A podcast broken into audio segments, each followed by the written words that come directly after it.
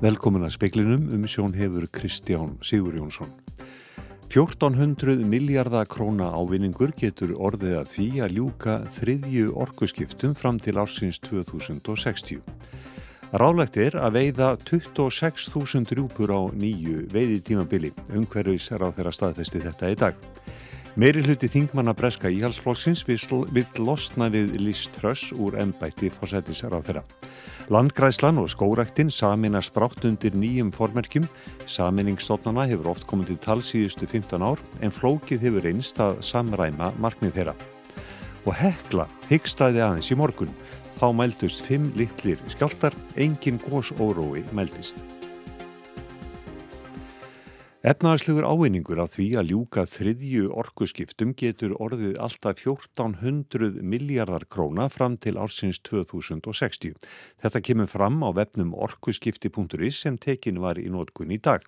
Vefurinn sínir niðurstöður nýrar skýslu eblu um efnaðarslegan ávinning orkuskiptana og hvað þarf til að ljúka orkuskiptum fyrir 2040. Árlega nota Íslandingar eina miljón ton, tonna af ólíu og bensíni. Kristín Linda Árnandóttir er aðstofarforstjóri landsvirkjunar.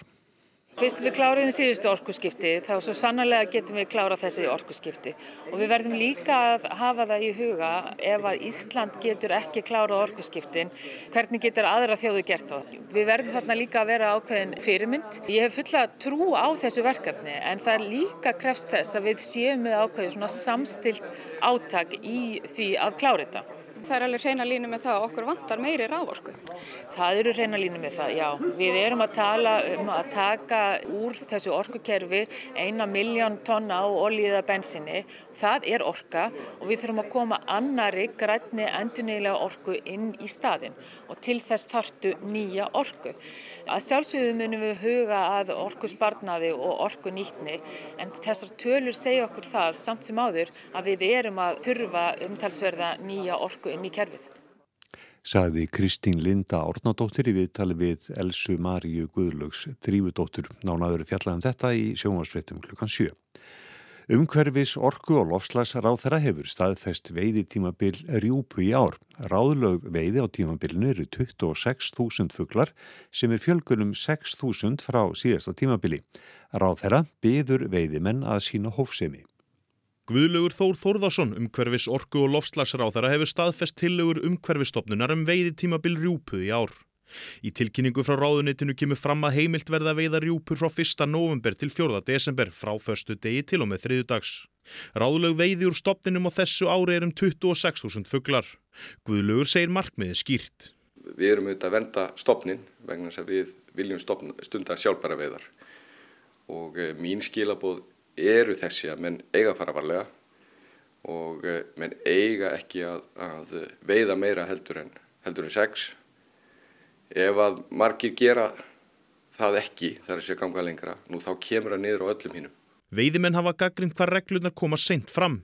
Guðlugur Þór segir að fyrir sjáanleiki verði aukinn strax á næsta ári með tilkomu stjórnunar og vendar áallunar. Það er til þess að við séum ekki að taka ákvarnir alltaf á, ég getur sagt á 11. stundu heldur séum að, að huga málum til lengri tíma. Þegar ég get alveg skilið það að, að menn vilja auðvitað hafa fyrir sjáanleika í þessu saði Guðlugur Þór Þórðarsson, Óðins Svan Óðinsson tók saman. Nánar verður fjallaðum þetta í kvöldfyrirtum sjónvarps. Eldfjallið Hekla hyggstaði aðeins nefna í morgun. Þá mældust fimm jarðskjáltar sem voru litlir og grunnir á innan við eins kilometra típi. Engin gós órói mældist og gasmælir við Heklu síndi ekkert óvinnilegt.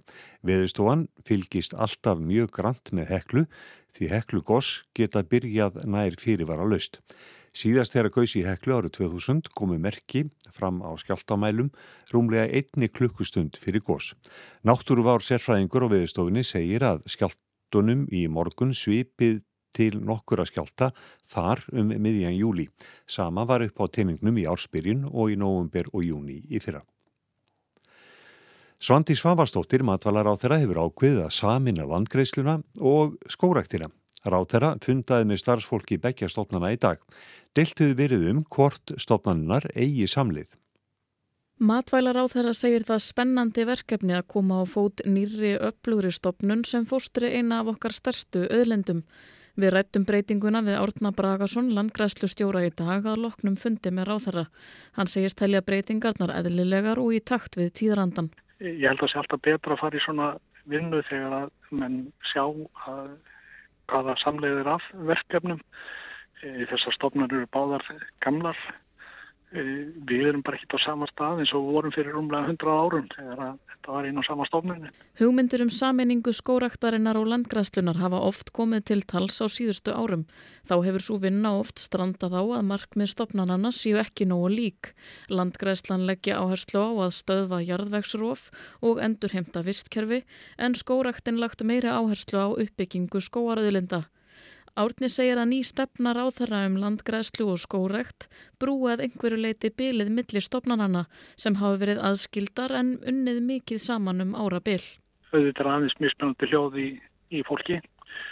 Því er ekkert að netta. Það, er, það hafa verið först skot sem hafa stundum farið á milli en þetta eru þetta bara verkefni fyrir þá nýjan fórstjóra samanlega stofnunar að að móta og já og starfsfólki innræður stofnunar að móta stefnuna og hvaða leiðir menn munum fara. Saði Árni Bragason Ólöf Rún Erlendstóttir tók saman. Íransk keppniskona í Klifri sem tók þátt í asíska mestaramótinu segir að fyrir slistni hafa hún ekki bórið höfðu slæðu á mótinu. Áhyggjur vöknuðu þegar ekkert spurðist til hennar eftir að keppni laug. Hún segist heila á húfi í fæslu á samfélagsmiðlum en ekki eru allir samfærðir. Elnas Rekabi bar ekki höfuðslæðu þegar hún kefti á asíska mestaramótun í Klifri í Suður Kóriu í gær eins og lög hveða áum í heimalandi hennar. Konum er raunar bannað með lögum að taka slæðurna niður og telst það refsivert. Hún uppskar mikið lof fyrir að bjóða ströngum lögum klerkastjórnar Írans byrgin og taka afstöðu með mótmælendum. Blóðu mótmæli hafa geisað í Íran frá því að rúmlega tvítu kona lést í haldi örgislauruglu. Sagt er að hún hefði verið barinn til dauða. Eftir mótið í gær bárust fréttir af því að aðstandendur Rekabi hefðu korki heyrt frá henni nýja síðana eftir að hún lauk keppni. Hún byrti lóks færslu á Instagram í dag þar sem hún sagðist vera heila húfi og baðst afsökunar á að hafa valdið áhegjum. Hún sagði jafnframt að það hefði verið óviljaverk að bera ekki höfuslæðu í keppninni. Hún hafi lengt í vandraðu með slæðuna þegar hún var köllu fyrir til leiks í úrsliturum en áætlað var. Í færslunni kemur fram að Rekabi sé á heimleið með teimi sínu. Rana Rahimpur, starfsmæður persnerska BBC, segir að færslan berið þess merki að hafa verið skrifuð undir þrýstingi. Sangvand heimildum fréttaveitunar voru sími og vegabrifri kapi gerð upptæk áður nú fór úr landi, tveimur dögum fyrir áætlaða brottför. Gunnhildur Kjærúlf Birgistóttir saði frá.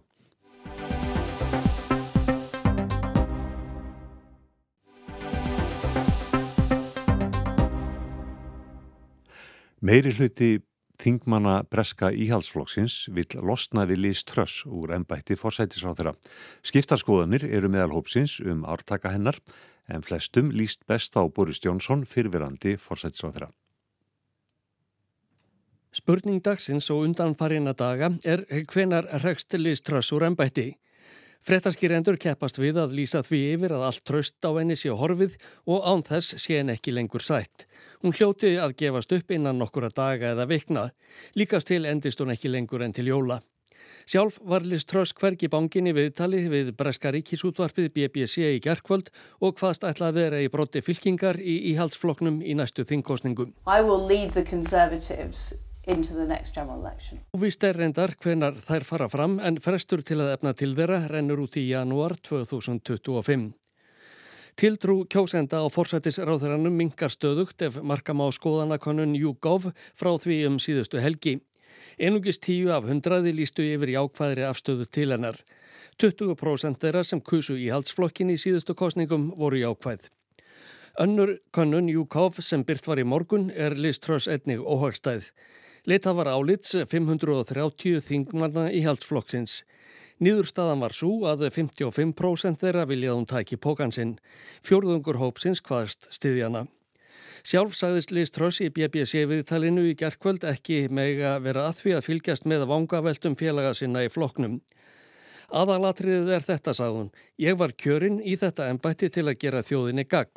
Tímarnir eru mjög erfiðir og við höfum einfallega ekki efni á að eigða tíma okkar í að ræða um íhaldsflokkin. Ræðum frekar það sem við þurfum að gera. Það eru skilabóð mín til flokksfélagana. The important thing is that I've been elected to this position to deliver for the country. We are facing very tough times. We simply cannot afford to spend our time talking about the Conservative Party rather than what we need to deliver. And that is my message to my colleagues. Vandamál Liz Truss og stjórnarennar hófust skömmu eftir að hún tók við völdum.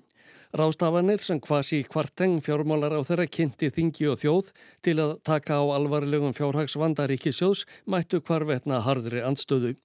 Það sem verst fór í breyta voru á formum að afnema 45% hátekjuskatt og lekka skatta á fyrirtæki án þess að leggja fram neina áætlunum hvar ætti að sækja það fyrir sem ríkisjóður tapaði með skattabreitingunum.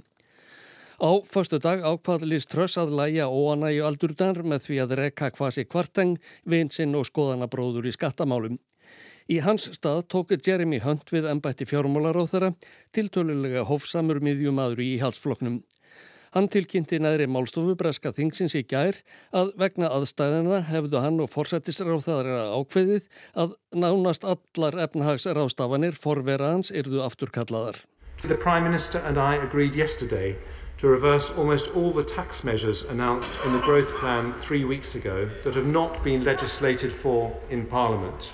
Jeremy Hunt sagði að til þess ráðs hefðu stjórnvaldi greipið til að ebla tröst fólks á fjármálastefnu stjórnvalda.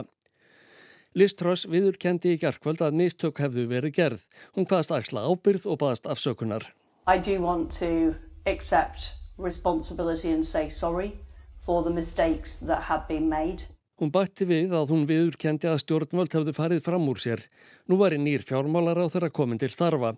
Hann hefði sín áform um að koma á efnahagslegum stöðuleika. We went too far and too fast. I've acknowledged that.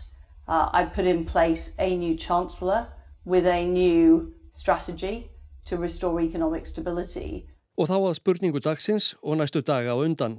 Hvenar lætur Liz Truss af ennbætti og hins spurningin er hver tekur við af henni? Það er á valdi ríkistjórnarinnar og eða þingmanna að krefjast afsagnar forsættisráþarans á þeirri forsendu að hann eða hún njóti ekki lengur trösts. 15% þingmannaflokksins 54 talsins verða að tilkynna breflega til formans 1922 nefndarinnar, það er félags almennra þingmanna, að þeir treystilegði tónum ekki lengur. En samkvæmt reglum nefndarinnar á nýrleið tói að njóta fríðhelgi frá vantrösti fyrsta árið í ennbætti. Liz Truss verður því áfram við stjórnvölinn fram á næsta haust nema reglunni verið breytt. Gerist það og ef að minnstakosti 54 þingmenn óska eftir því að leiðtóin verði settur af, verður emt til með hraði til atkvaða greiðslu um vantraust. Meiri hluti þingmanna verður að taka þátt í henni.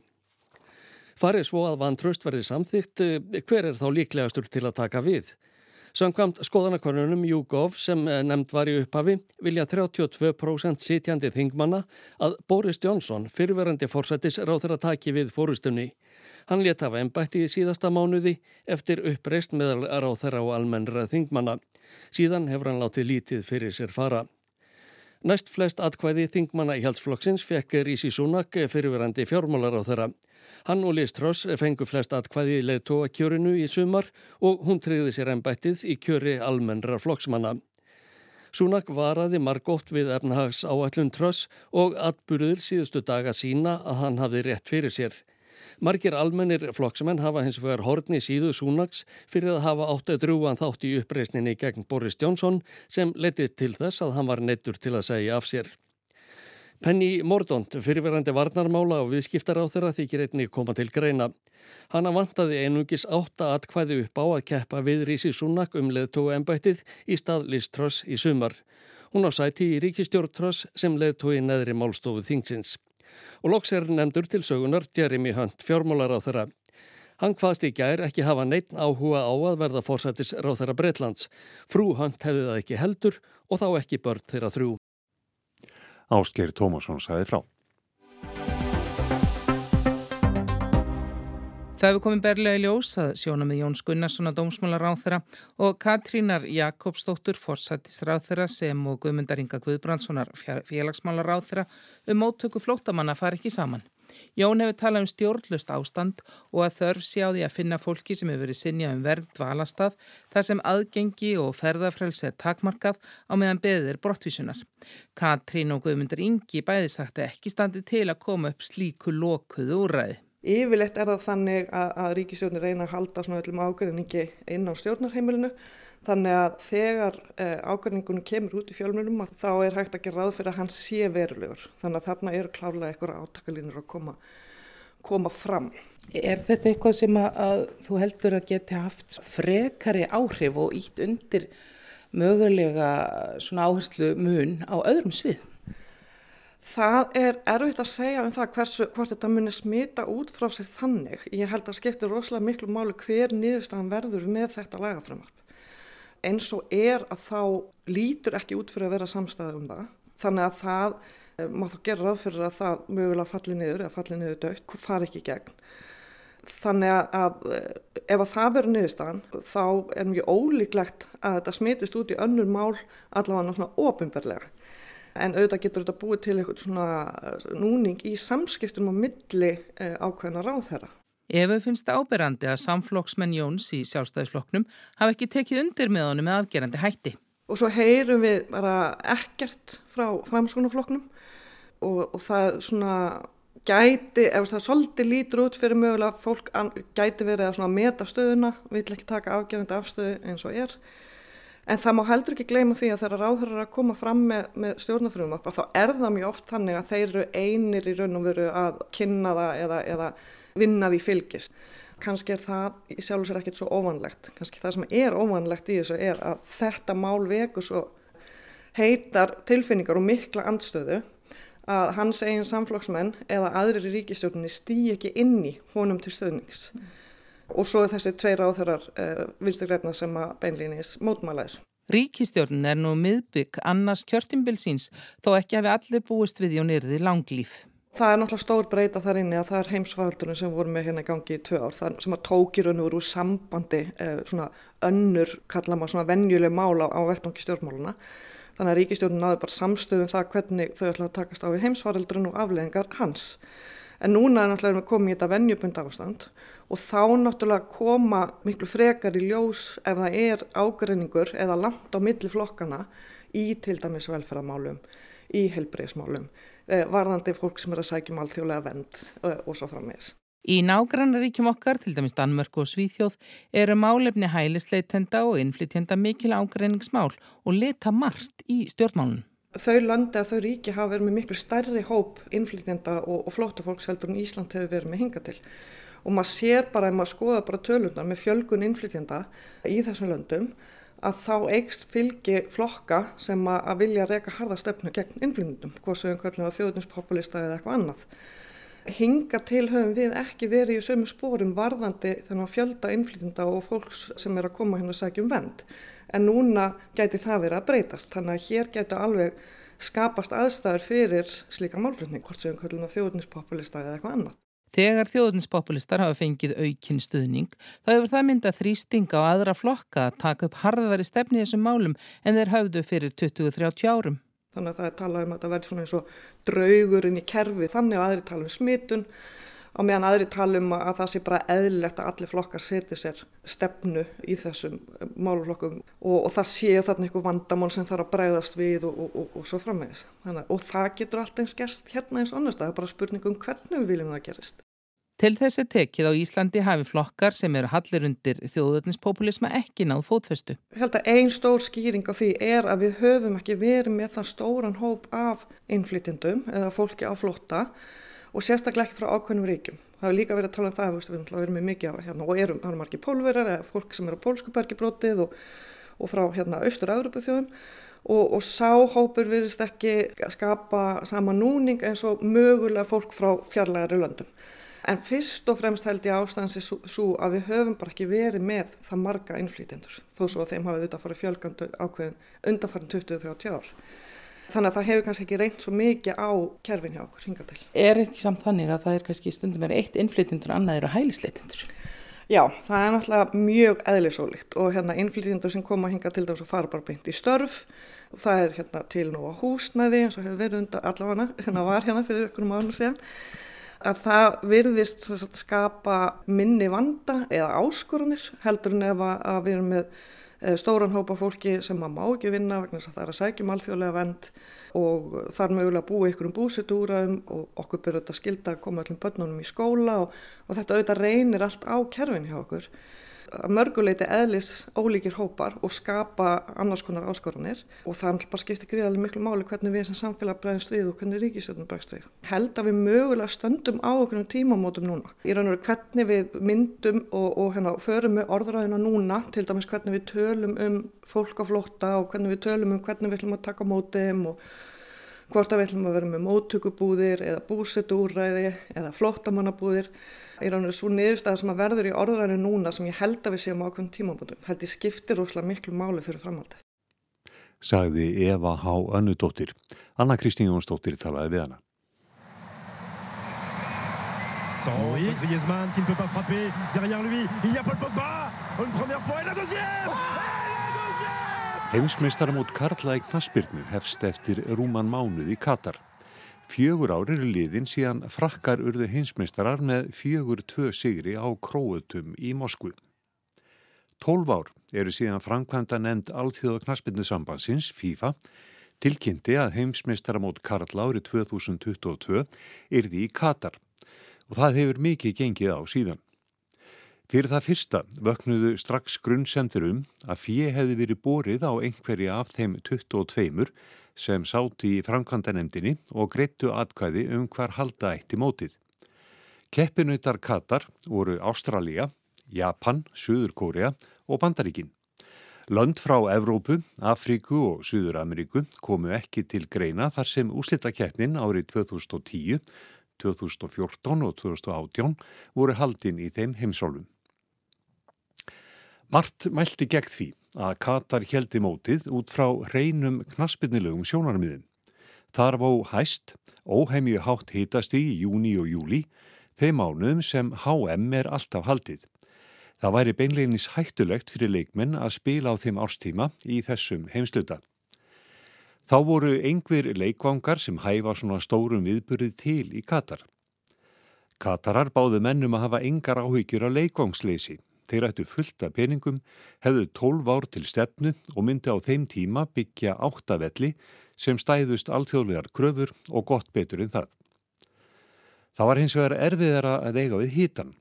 Honum verður ekki stjórna svo glatt. Knaspitnu samböndum allan heim mótmeltu því að halda HM í Katar og hagsmunarsamtök leikmanna einnig. Sögðu ekki koma til greina að spila í bakarótni.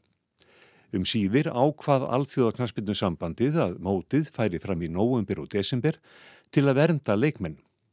Á þeim tíma er hins vegar keppni í stærstu og öflugustu lands og alveg keppnum heims í fullum gangi og það þýtti rask og trublun.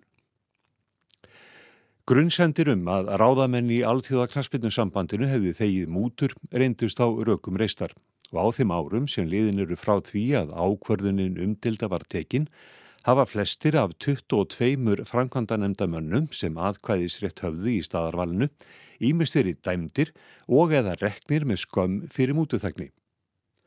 Það mælti sem sagt flest sem snertir fótboltan sjálfan gegn því að mótið færi fram í Katar. En það var orðið og seint að snúa við. Síðan voru það önnur sterk rauk, rauk sem snúa félagslegum réttindum og mannréttindum. Katar er í raun nes út í Persaflóa á austamerðum Arabíuskaga. Landi er korki stórt, nýja fjölmend. Það er nýju sinnum smerra en Ísland að flatarmáli og þar búa tæplega þrjár miljónir manna. En vegna óljulinda er Katar eitt ríkasta land í heimi með einhverjar hæstu þjóðartekjur á mannað meðaltali sem um getur. En það njóta landi frá allir auðsins. Þetta er tvískipt land. Katarar eru aðeins 15% landsmanna og þeir einir njóta ríkisborgarréttinda í landinu, borga ynga skatta, fá ókeipis mentun og heilbriðis þjónustu. Aðrir eru aðkomu fólk. vissulega sumt vel mentað á mjög góðum launum og hefur það fínt. En mikill meiruluti íbúa er snöytt farandverka fólk frá Afrikulöndum, Bangladesh, Nepal, Filipsegjum og fleiri Asjúlöndum. Það er þetta fólk sem bókstallega hefur byggt upp innviði landsins, vegakerfi og húsakost sem er ekki af lakari gerðinni. Það var þetta fólk sem yfirstéttin í Katar hugsaði sér að byggði leikvankana átta og allt sem fylgir stórum íþróttaviðbyrðum. Fljótlega kom í ljós þegar mannreitndasamtök, alþjóðleg verkalýsfélög og fjölmiðla fólk fór að kynna sér aðstæður, öryggi og kjör verkafólksins að þar var pottur brotinn, möllbrotinn. Í ljós kom að verkamennir byggu við harðan kost. Þeir fengu lúsar laun fyrir langa vinnudaga, byggu í lélugu og þröngu húsnæði og öryggi á vinnustad var mjög ábótavand.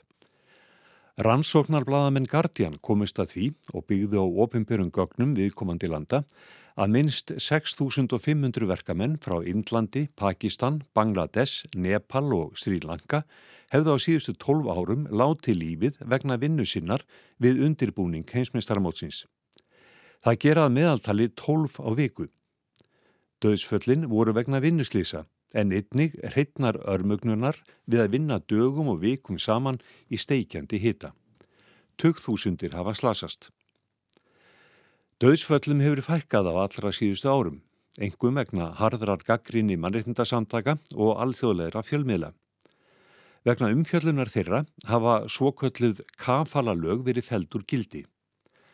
Þau kváðu um að verkafólki þyrti alfarið að lúta ákvörðunum og vilja verktakana sem réði það í vinnu.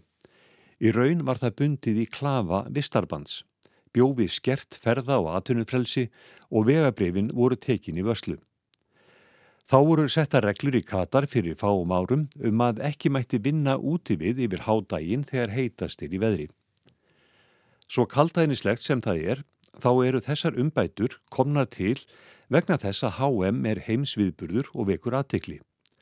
Þær hefðu sennilega aldrei náði gegn í Katar ef mótið færi þar ekki fram. Svo eru það mannreitindin. Katar er í grunninn íhaldsamt Íslamst ríki. Samkynneigð er bönnuð með lögum og hins einn fólk fangelsað fyrir að vera eins og það er. Réttindi kvenna eru lítil. Málfrelsi og félagafrelsi er mjög takmarkað og baráttumennur hópi verkamanna sem bent hafa á óreittlæti og kúun eru teknir úr umferð. Þetta er ekki fagur lestur og kannski mætti ætla að stemningin fyrir HM í Katar og meðal fókbólta áhuga fólks út í heimi væri ekkert sérstök. Það er vissulega óbræð í munni. En reynslan hefur sínt að svona sögur og aðtóðasendir vilja gerðan gleymast þegar að hólminni komið og mótið byrjað. Þá kviknar áhín og áhorvendur sógast inn í sjálfan fótboltan. Þetta gerðist í Argentínu 1978 þegar illræmt fóringjastjórn satt þar við öld og í síðustu keppni í Rúslandi Pútins fyrir fjórum árum. Einstaka leikminn og jafnveg lið verða eflaust með einhvert mótróa og flagga litu um hins egin fólks til að augra og ergja gæskjafana. En mótið fer fram og miljardar manna munu fylgjast spendir með og það skal engin efast um það að Katarar halda mótið með stæl. Svona út á við í það minsta.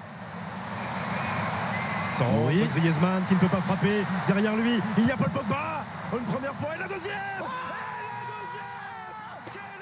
Það var helst í speklinu í kvöld að 1400 miljardar krón ávinningur getur orðið að því að ljúka þriðji orkuskiptum fram til ásins 2060.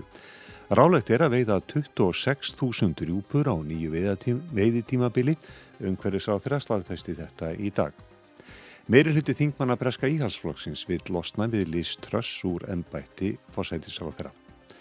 Og landgræslan og skóræktin saminast brátt undir nýjum formerkjum. Saminningstofnana hefur oft komið til tal síðustu 15 ár en flókið hefur reynst að samræma markmið þeirra og hekla hyggstaði aðeins í morgun þá meldust fimm litlir jarskjáltar, engin gós órói meldist.